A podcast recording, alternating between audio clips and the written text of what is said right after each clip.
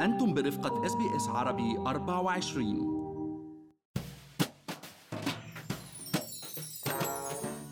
التضحية بالراتب أو ال salary sacrifice في أستراليا لوهلة ممكن تبين إلنا فكرة غريبة ولكن بالحقيقة هي شيء مفيد.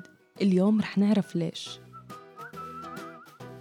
معكم مرام إسماعيل من بودكاست لنحكي عن المال واليوم رح نحكي أنا والمحلل الاقتصادي عبد الله عبد الله عن التضحية بالراتب وأبرز الطرق المتاحة من قبل مكتب الضريبة لتقسيم راتبنا السنوي إلى حزم وتخفيف فاتورتنا الضريبية في المقابل. بس خليني أذكركم إنه كل اللي بنقال بهاي الحلقة هو على سبيل المعلومات العامة فقط وليس نصيحة خاصة. عبد الله قربنا على نهاية السنة المالية وبداية سنة جديدة بشهر يوليو. وأكيد كتار منا بيسعوا بطرق شرعية أكيد متاحة إلى تخفيف فاتورتهم الضريبية في كل عام مالي جديد.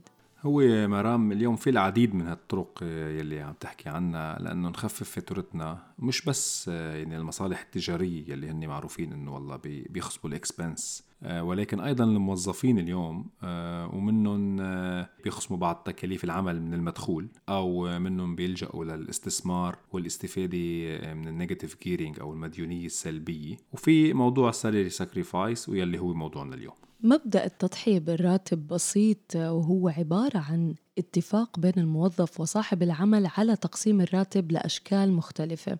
أولها الراتب الأساسي ويلي هو المبلغ اللي بيخضع للضريبة أو ال taxable income زي ما بنسميها والجزء الثاني بيكون عبارة عن بدلات أو perks صحيح مثلا إذا راتبنا نحن اليوم مئة ألف دولار سنويا خلينا نقول فينا نتفق مع صاحب العمل على 85 ألف دولار تكون راتب أساسي.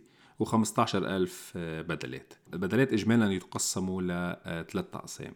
البدلات يلي تخضع لضريبة المزايا الإضافية أو ال fringe benefit tax المعروفة بال FBT وهي إذا أخذنا سيارة العمل أو مكان سكن أو حتى إذا كانت هال perks عبارة عن أسهم بالشركة أو أي مصاريف أخرى مثل دفعة القرض المنزل مثلا اللي نحن بنكون ساكنين فيه يلي هو شرط إنه يكون owner occupier تنقدر نستفيد من من هيدي ال perks وهي الميزة يعني مش متوفرة لكل الموظفين بكل القطاعات. في بعض الموظفين ببعض القطاعات يعني قادرين ياخذوا to claim دفعات القرض المنزل على على ال fringe benefit يعني. وكمان أيضا في أقساط المدارس أو حتى تكاليف ال childcare وتليفون وإنترنت المنزل. كله ممكن نعمل عليهم salary sacrifice وساعتها هو بينزلوا بالقسم يلي بيخضع لل fringe benefit tax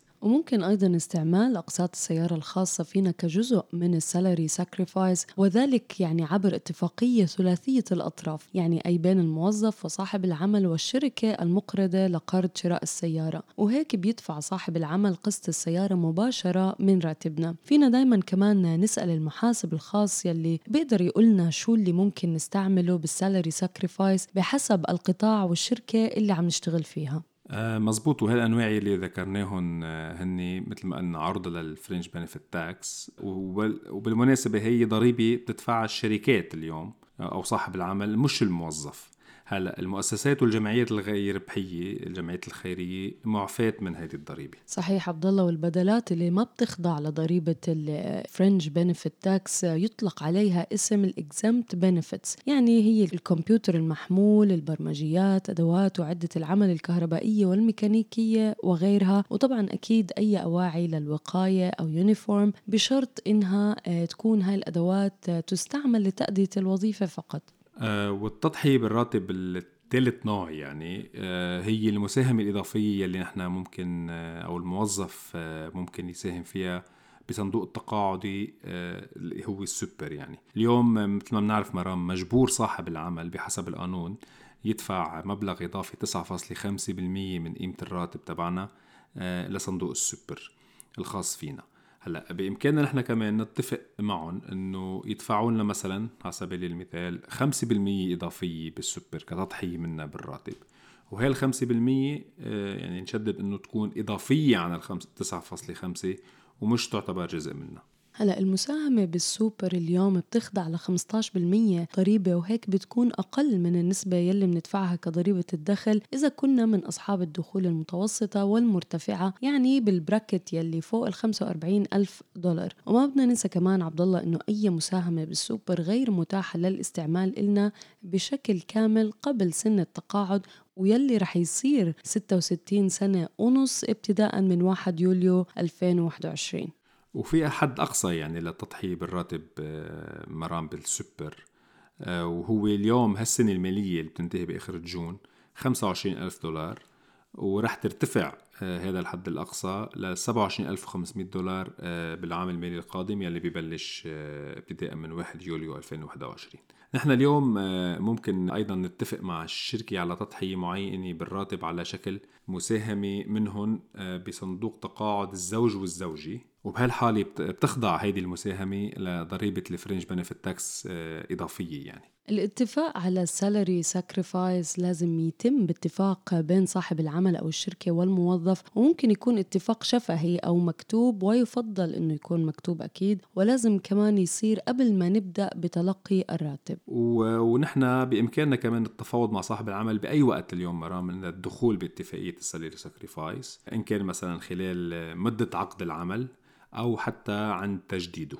ممكن صاحب العمل آه، يطلب إنه يخصم منا رسوم إدارية.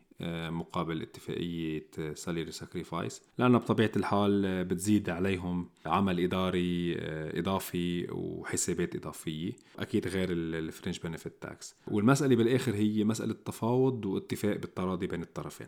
صحيح عبد الله يعني فعلا في عدة طرق قانونية لتخفيف فاتورتنا الضريبية السنوية وال salary sacrifice منهم ويمكن من أسهلهم بس مش كتير متعارف عليها لهيك حبينا نحكي فيها. بضل إنه نقيم وضعنا المادي جيدا ونعمل حساباتنا ونشوف قديش ممكن نوفر ونتذكر إنه كمان مساهمة السوبر غير متاحة إلنا للاستعمال بالمدى القريب مثل ما قلنا عبد الله. لهيك تعتمد على مدى حاجتنا لهاي المبالغ حاليا. بالنهاية خليكم مستمعينا معنا في بودكاست لنحكي عن المال. كل أسبوع لنواكب كل المستجدات اللي بتهم حياتنا المالية والعملية في أستراليا.